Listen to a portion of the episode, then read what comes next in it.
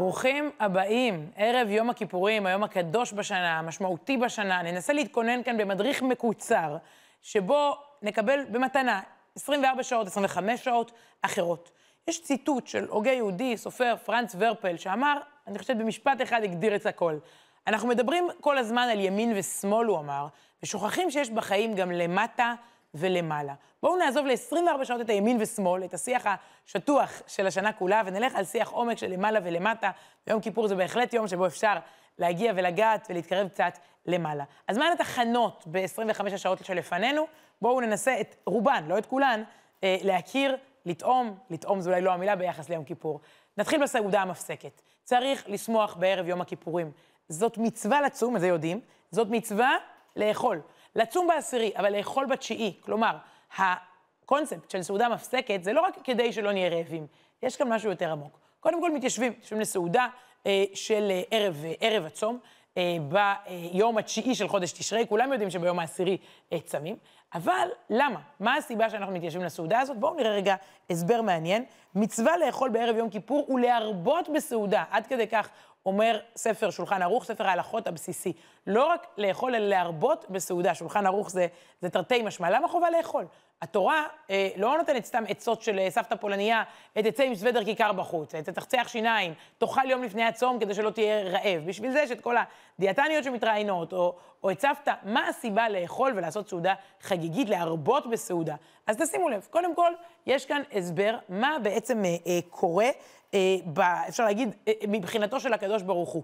אה, ציטוט שכותב הראש, אה, רבי אשר בן מיכאל, והוא אומר כך, להרבות, כן? להרבות חיבתו של המקום לישראל, להראות, להראות את חיבתו של המקום ברוך הוא לישראל. כי אדם שיש לו ילד שעשועים, וגזר עליו להתענות יום אחד, וציווה להאכילו ולהשקותו ערב יום התענית כדי שיוכל לסבול.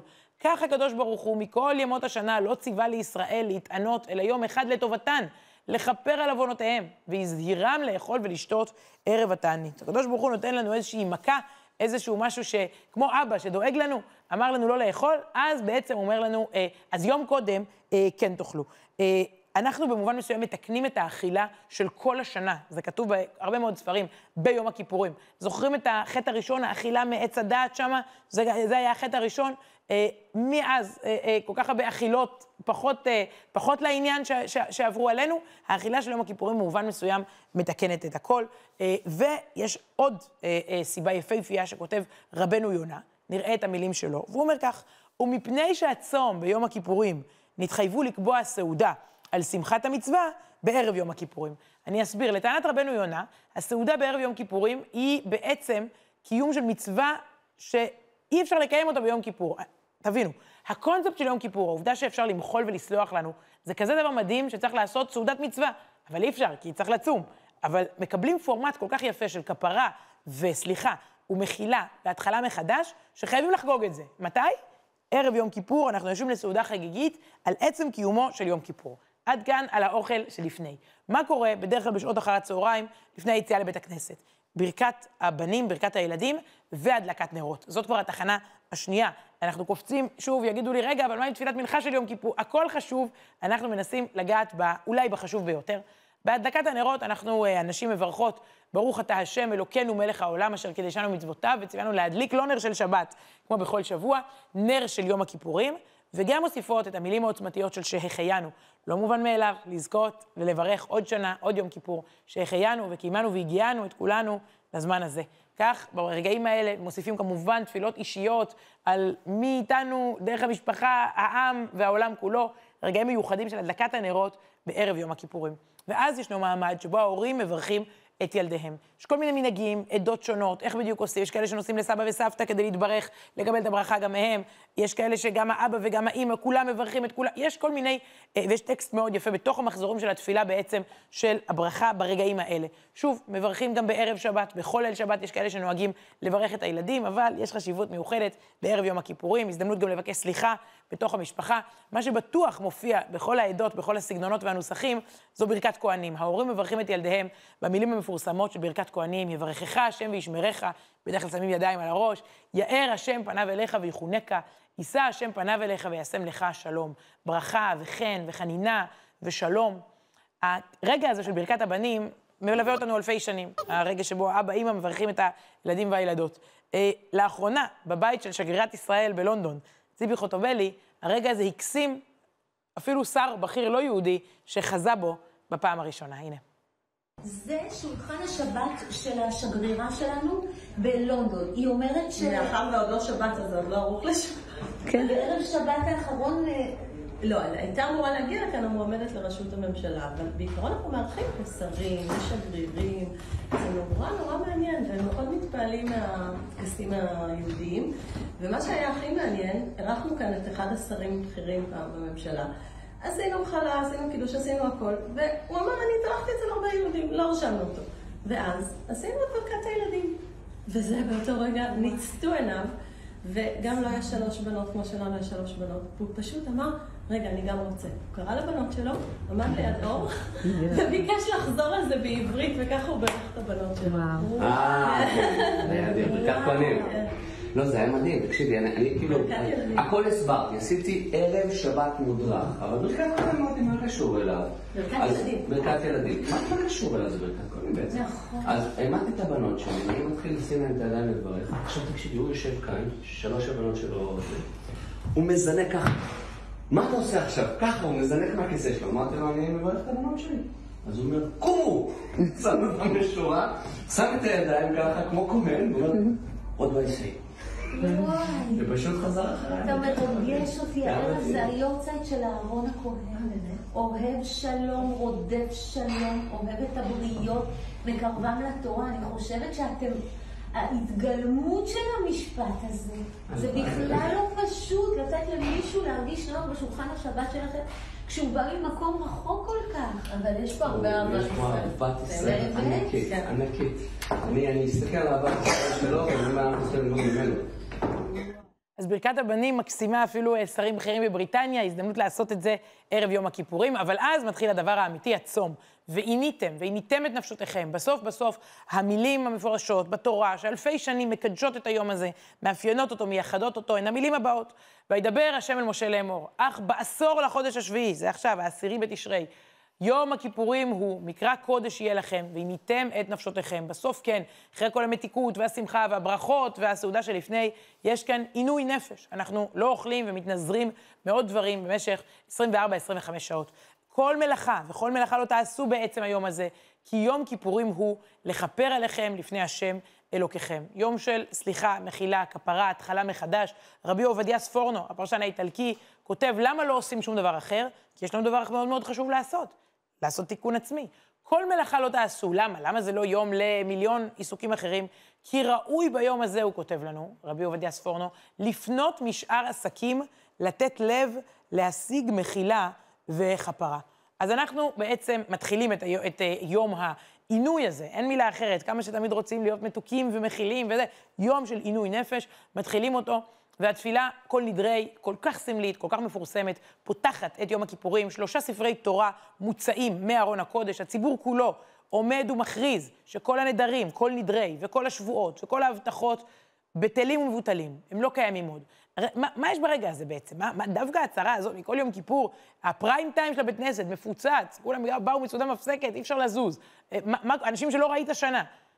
הרגע הזה יש בו משהו שבעצם משיל מאיתנו את כל התדמיות. קובי עוז כתב על זה בצורה יפה, הוא אומר ככה, בחגים אנחנו משילים את השריון הכבד שלבשנו כל השנה, שריון של דאווין, ומשתדלים להיוולד מחדש. החגים בעצם רומזים לכל אחד, זה לא אתה, אתה לא זמר, כן, ככה מגדירים אותו, משקף עופר, טוניסאי מרוקאי, שדרותי, תל אביבי, מתחזק, מתחלש, הבן של ז'וז'ו ז"ל ור... ורמון שתחיה, בן הזוג של בת שבע, כל מיני תיוגים של קובי עוז וכולי וכולי. כל ההגדרות האלה זה לא באמת אתה. אתה בעצם ביום הזה יוצא לחופשי מכל ה... מבתי הכלא האלה שבהם קלטת את עצמך, הנשמה חוזרת לשורש שלה, ונסלח לכל עדת בני ישראל. זה חלק מההצהרה המרגשת בסוף כל נדרי. ככה נכנסים אל היום הקדוש, זה ככה אחת, ה... אחת התחנות. בתוך התפילה מחכה לנו, ביום הכיפורים, הווידוי. אם דיברנו על כך שבראש השנה זה יום עולמי, שבו מתעסקים ב- ב- ב- בכל, בכל העולם, בכל תבל, וחושבים על היהודי הכי רחוק, יום כיפור, פנימה. כמה שיותר פנימה. לוקחים את האגרוף הזה שכל השנה מצביע על כולם, זה לא בסדר וההוא לא בסדר, וככה, ובחירות חמישיות ופוליטיקה, ויש לנו מה להגיד על כל העולם ואשתו. את האגרוף הזה שמדבר על ביידן ועל אה, לפיד ועל אה, אה, אה, התקשורת, לוקחים ובעצם מפנים אותו פנימה. עוד יהיה זמן לדבר על כולם. עכשיו זה אשמנו, בגדנו, גזלנו, דיברנו דופי, וכך לפי סדר האלף-בית, הבאנו והרשענו, ה' ו', זדנו, חמסנו, כל מילה כאן היא בעלת משמעות רבה. טפלנו שקר, יעצנו רע, מה זה? מה זה כיזבנו? לצנו, מרדנו, ניאצנו, שררנו, אבינו, פשענו, צררנו, קישינו עורף, רשענו, שחטנו, תיעבנו, טעינו, תיעתנו. מהאות א' ועד ת', מא' ועד ת', להסתכל על כל עשייתנו בשנה החולפת שלא הייתה נכונה, שלא הייתה מדויקת. עשר פעמים במהלך היממה הזו אנחנו נאמר את הווידוי. רשימה ארוכה של עבירות, של תקלות, של פספוסים. ושוב נכריז, אחר כך רשימה ארוכה, על חטא שחטאנו לפניך. שוב, רשימה מקיפה לפי סדר האלף-בית, שכוללת אפילו מחשבות שחשבנו. לא, לא עשינו בסוף. על חטא שחטאנו לפניך בהרהור הלב, רק הרהרנו. או איך התייחסנו לזולת. על חטא שחטאנו לפניך בזלזול הורים ומורים. ועוד שלל תחומים בחיים. ננסה להקיף את כל 360 מעלות של כל העשייה שלנו. על חטא שחטאנו לפניך בשנאת חינם. על חטא שחטאנו לפניך במשא ומתן, שאולי לא היינו בו מספיק ישרים, וכן הלאה וכן הלאה. תפילות הן ארוכות מאוד ביום הזה, זה יום שעיקרו תפילה, אין סעודות, אין אכילה. אם איזה מומחה יקרא, מהצד, ניתן לאיזה מומחה לטקסטים, לנתח את כל הטקסטים של יום כיפור, וננסה להוציא כותרת. הכותרת תהיה לקיחת אחריות. אני. זה מאוד שונה מהשיח שאנחנו רגילים אליו, הוא והם, וככה, ועשו לי, וגם הפסיכולוגיזציה, אמ, זה אני, זה ההורים שלי, זה השכונה שלי, זה... נכון, אנחנו עומדים איתן מול התרבות שאומרת, זה הם, אה, אה, אה, אני, אני לא שולט בעצמי, זה לא אני, כן, יש כל הפרסומות של just do it, אתה חייב את זה לעצמך, טבעי שלא תשלוט בעצמך, העיקר זה לזרום. אנחנו אומרים, המטרה בחיים זה לא לזרום, זה לצמוח. ולכן אנחנו לוקחים אחריות. זה לא אומר שזה הופך אותנו לקטנים ולשבורים, הפוך. מהלך שבו אדם עושה חשבון נפש, זה מהלך שממנו הוא יוצא עם יותר כוח ויותר עוצמה. להגיד, טעיתי, כל מעשה שלנו משמעותי, אנחנו אחראים למעשים שלנו, ויש בהחלט עוצמה גדולה, אדירה, במעשים שלנו, אנחנו רוצים לש, לש, להשתנות. אנחנו רוצים לתקן לקראת מה שמתחיל אה, אה, בעצם בשנה החדשה. הרמב"ם, רבי משה בן מימון, לפני 800 שנה, מנסח בצורה מאוד מאוד ברורה את הלקיחת האחריות הזאת של יום הכיפורים. צריך כל אדם שיראה עצמו כל השנה כולה, כאילו חציו זכאי וחציו חייב. וכן, לא רק האדם, אלא כל העולם חציו זכאי וחציו חייב. חטא חטא אחד, הרי הכריע את עצמו ואת כל העולם כולו לכף חובה, וגרם לו השחתה. עשה מצווה אחת, הרי הכריע את עצמו ואת כל העולם כולו לכף זכות, וגרם להם ולא תשועה והצלה. במובן מסוים, אומר פה הרמב"ם, כל מעשה קטן שלך הוא צעד קטן לאדם, צעד גדול לאנושות. יש המון משמעות בעשייה שלנו, אנחנו לוקחים אחריות ומנסים להטות את המעשים שלנו השנה רק לטובה. אנחנו עוד בתוך בית הכנסת בתפילת ערבית, שבתוכה היה הווידוי, ובסופה יש סליחות. שוב, יש עדות, יש מנהגים, אבל אומרים את הסליחות. בן אדם, מה לך נרדם? זה אחד המשפטים המפורסמים בסליחות. המטרה היא להתעורר, אה, לא רק פיזית, אלא להשתנות. אה, היינו במעמדי הסליחות הגדולים, או לפחות ראינו אותם בכותל וכולי, עכשיו זה קצת שונה. בתוך הבית כנסת או במניין, איפה שלא מתפללים. אה, סליחות, אה, במובן מסוים, זה טקסט שמי שכבר היה בסליחות, מראש חודש אלול, או שוב, תלוי בעדה, או מי, שהאשכנזים מצטרפים אה, לסליחות, מכיר כבר את הטקסטים, וזה גם חלק כמובן מיום הכיפורים. מכאן אנחנו קופצים כבר אל היום שלמחרת. תפילת שחרית, כמובן, וקריאה בתורה, וגם תפילת מוסף. ובלב תפילת מוסף, זו התחנה הבאה שלנו, סדר העבודה. מיוחד ליום הכיפורים, פעם בשנה. אנחנו בעצם, אחרי גם יזכור, לא רק שחרית וקריאה בתורה, אלא גם יזכור, אה, מגיעים, זה אזכרת נשמות אה, על, אה, למי שנפטר, אנחנו מגיעים לסדר העבודה, אולי לב העבודה של יום הכיפורים, פירוט מה שקרה בבית המקדש ביום כיפור. פירוט של איך נראה היום הזה, ומה המשמעות של כל העשייה של הכהן הגדול, של הקורבנות, של העם, של אה, העלייה לירושלים. אתם מכירים את הביטוי שעיר לעזאזל, נכון? אז הנה, זה המקור שלו. ביום הכיפורים היה שעיר לעזאזל, היה כבש אחד שנשלח אל המדבר, וכבש שני שנשלח אל המקדש. אה, והפרשנים שלנו אומרים, אלה בעצם כל החיים, אה, בין הטוב לבין הרע. זה היום לבחור, האם אתה שעיר לעזאזל או שעיר למקדש. זה העיקר ביום הזה, במובן מסוים. אומר את זה גם הרב שמשון רפאל הירש לפני 200 שנה. הוא כותב אה, שזאת הנקודה של יום כיפור. בכל רגע, הוא כותב, האדם יכול לבחור, למדבר או למקדש. אין כל ערך לבחירה בטוב, אם אי אפשר באותו רגע לבחור גם ברע. כל מעלת האדם מותנית ביכולת שלו לחטוא, זוהי מעלתו המוסרית, עצם הבחירה. אה, במובן הזה, אנחנו קוראים את סדר העבודה, נזכרים, אה, בת, אין, אין, כל השנה אפשר למרוח, להגיד כן, גם וגם וגם. יום כיפור מציב את האפשרות, או, או. סדר העבודה שנים היה חלק מה... שנים הוא היה חלק מהמקדש, אחר כך שנים חלק מהסידור. והנה מגיע, בדור המתחדש, המיוחד שלנו, איש היריבו, ביצירה אומנותית כל כך מיוחדת, שנקראת סדר העבודה, אחד השירים הפופולריים והעמוקים שלו, הוא מצליח להחיות ולהכניס לתוך הפלייליסט ולגרום לנו לדמיין איך זה נראה שם. הנה קטע מהשיר המיוחד הזה, שווה שווה ללכת למצוא ביוטיוב את הביצוע המלא. בא ממקום שהוא בא, והלך למקום שהלך. פשט בגדי לבן, לבש בגדי זהב. וכך היה אומר, אנא השם, כפר לחטאים, לעוונות ולפשעים, שחטאתי לפניך אני וביתי. ואם אדם היה יכול לזכור את החסדים, את הטובות, את כל הרחמים, את כל הישועות, בטח כך היה מונה. מה, באמת, מהשיר היפה הזה, אני חושבת שהוא גורם לנו לדמיין, הוא גורם לנו איזושהי המחשה של מה היה אז. ויש בזה חשיבות חינוכית גדולה. לנסות לא רק אה, להעביר את החגים, כי בסוף המציאות מסביב היא מוחשית, נטפליקס מוחשי, הפסקת הפרסומות הבאה היא דבר מוחשי, והחגים נשארים איזה משהו רעיוני כזה למעלה. אז לא רק השיר שלי, שאני רוצה לקפוץ איתכם רגע דווקא לתשעה באב האחרון, שיעור בחינוך שאני קיבלתי בארצות הברית, היינו בקמפ במחנה קיץ שנקרא מסורה.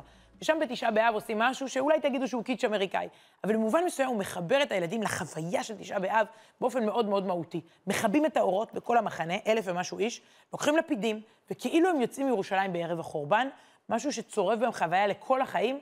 אני עוד לא ראיתי דבר כזה בתשעה באב, ומאז אני כל הזמן חושבת האם אפשר את החגים, את הימים האלה, לדמיין, אפילו לא צריך לעשות הצגה, אה, אבל לדמיין, לדמיין את יום כיפור, להחזיר, להכניס את זה כמה שיותר בצורה מוחשית, ויזואלית וחזותית אל התודעה שלנו. אז הנה, טעימה, לא מיום כיפור, מתשעה באב ההוא, חומר למחשבה.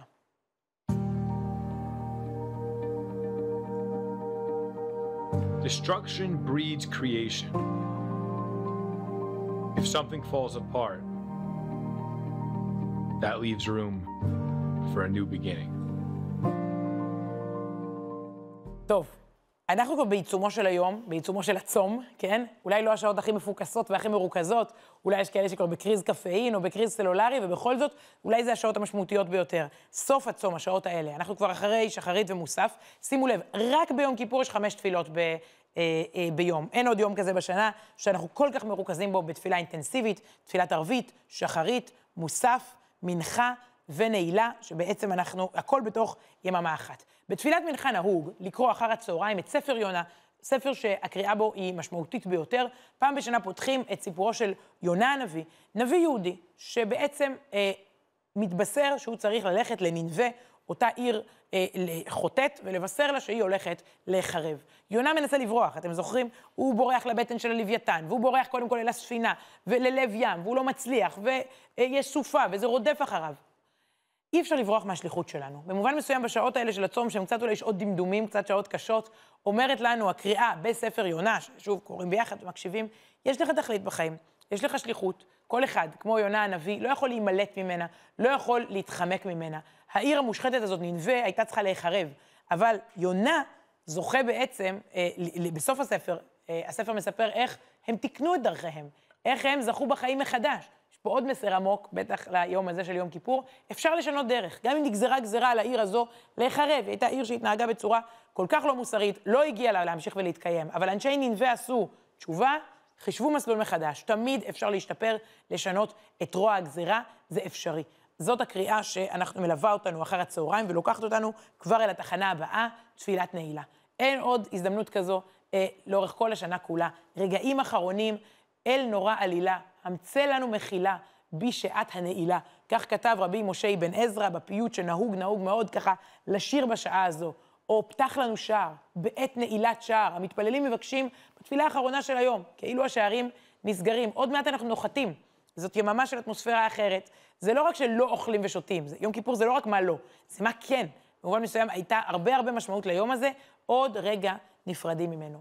לא סתם, כמו שבכל נדרי היה שיא של רייטינג בבית הכנסת, גם בתפילת נעילה, שוב, אתם רואים את האנשים מתקבצים ומגיעים, זה בעצם מסע שהתחיל כבר באלף אלול, והוא עבר דרך ראש השנה, ועשרת ימי תשובה ויום הכיפורים, והמסע הזה עומד להסתיים, או שהוא עומד בעצם להתחיל, השנה מתחילה. כל המחשבות מיום הכיפורים, זה הזמן ליישם ולהתקדם. זאת תפילת הנעילה המיוחדת, שוב חוזרים בה, על הווידוי ועל חטא שחטאנו, ועל התפילה, פעם אחרונה, התוספות היפות האלה, שרק בעשרת ימי תשובה, רק בתקופה הזאת מוסיפים את כל התוספות האלה לתפילה, זו הפעם האחרונה. איך מסתיימת תפילת נעילה? בתקיעת שופר. מאוד מעניין, אנשים חושבים שזה השיא. תקיעת שופר הזו היא לא הלכה, היא, יותר אה, מנהג, אי אפשר להשוות אותה לתקיעת השופר של ראש השנה, שהיא, שהיא ממש מצווה. עדיין היא סמלית ביותר. תקיעת השופר של צאת יום הכיפורים היא הרגע שבמובן מסוים נועל את כל מערך החגים הזה, מכניס אותנו לחצי השני של תשרי, כבר עם סוכות ועם שמחת תורה, אווירה אחרת לגמרי, הרבה יותר אוכל והרבה יותר אה, אה, שמחה. אה, אנחנו נוהגים, יש הרבה מאוד, אה, אה, הייתי אומרת, פרשנים שממליצים לקחת איתנו קבלה קטנה מהחגים. אחרי כל הווידויים והשירים והפיוטים והתפילות, היום הזה בסוף, לקחת ממנו משהו מעשי שבו אני הולך להשתנות ולהשתפר. כי הרי הבטחנו ערים וגבעות, הבטחנו בכלל דף חדש, אבל החיים זה לא מ-0 ל-100, הם מ-0 ל-1 או מ-0 לחצי. לקחת על עצמנו, ובזמן תקיעת השופר, איזושהי קבלה, איזושהי, איזשהו שינוי, איזשהו שיפור לטובה, שמהיום והלאה ננהג ונעשה אותו. וזה מאוד מעניין. זה, את כל המילים שאמרנו, מא' באלול, מתחילת הסליחות, אנחנו סוגרים בצליל פשוט של שופר, בלי מילים, ללא מילים. רק תקיעת השופר שנועלת את תפילת הנעילה, בדרך כלל יש ריקודים ושמחה, ירושלים, אה, אה, לשנה הבאה בירושלים הבנויה, ועוד הבדלה, וקידוש לבנה, לוקח זמן לנחות מיום הכיפורים, זה לא שמיד ככה הצום נשבר, ויש מנהג מקסים, אני חושבת שיש בו הרבה מאוד עומק. אה, רבים נוהגים, כשהם חוזרים הביתה ומתאוששים קצת אחרי ההבדלה, מה מתחילים לעשות במוצאי יום כיפור? לבנות סוכה. כי את כל הפילוסופיות, תכלס, פטיש מסמר ניקח מהר. לבנות סוכה, אה, להתחיל, יש כאלה שלא מצליחים, אז לפחות לדבר על זה, לפחות לתכנן את זה. למה? לעבור ממצווה אחת למצווה אחרת. אומרים חכמינו, ללכת מחיל אל חיל. סיימנו כזה יום טוב, במקום לשקוע עכשיו לא, לא, לאינסטגרם, בואו נשקע רגע בסוכה. עוד דקה ניתן למצווה הבאה. ויש קשר גדול בין יום הכיפורים לבין סוכות. דווקא, דווקא אחרי יום כזה של רוחניות, בלי אוכל ובלי שתייה ובלי עיסוק בענייני העולם הזה, אנחנו הכי בענייני העולם הזה. אנחנו, כן, התנתקנו מהעולם, אנחנו חוזרים אל הטבע. עם ארבעת המינים, עם uh, לדפוק מסמרים, עם הצבעים והצמחים והריחות. בסך הכל בחיים, יום בשנה, אנחנו מנותקים מהעשייה, אבל כל השנה צריך לקחת את המסרים של יום כיפור אל תוך החיים עצמם. Uh, ובוא נגיד שהעשייה של סוכות, זה אולי לא, זה לא מנותק מיום כיפור, זה פשוט המשך ישיר uh, של תחילת השנה.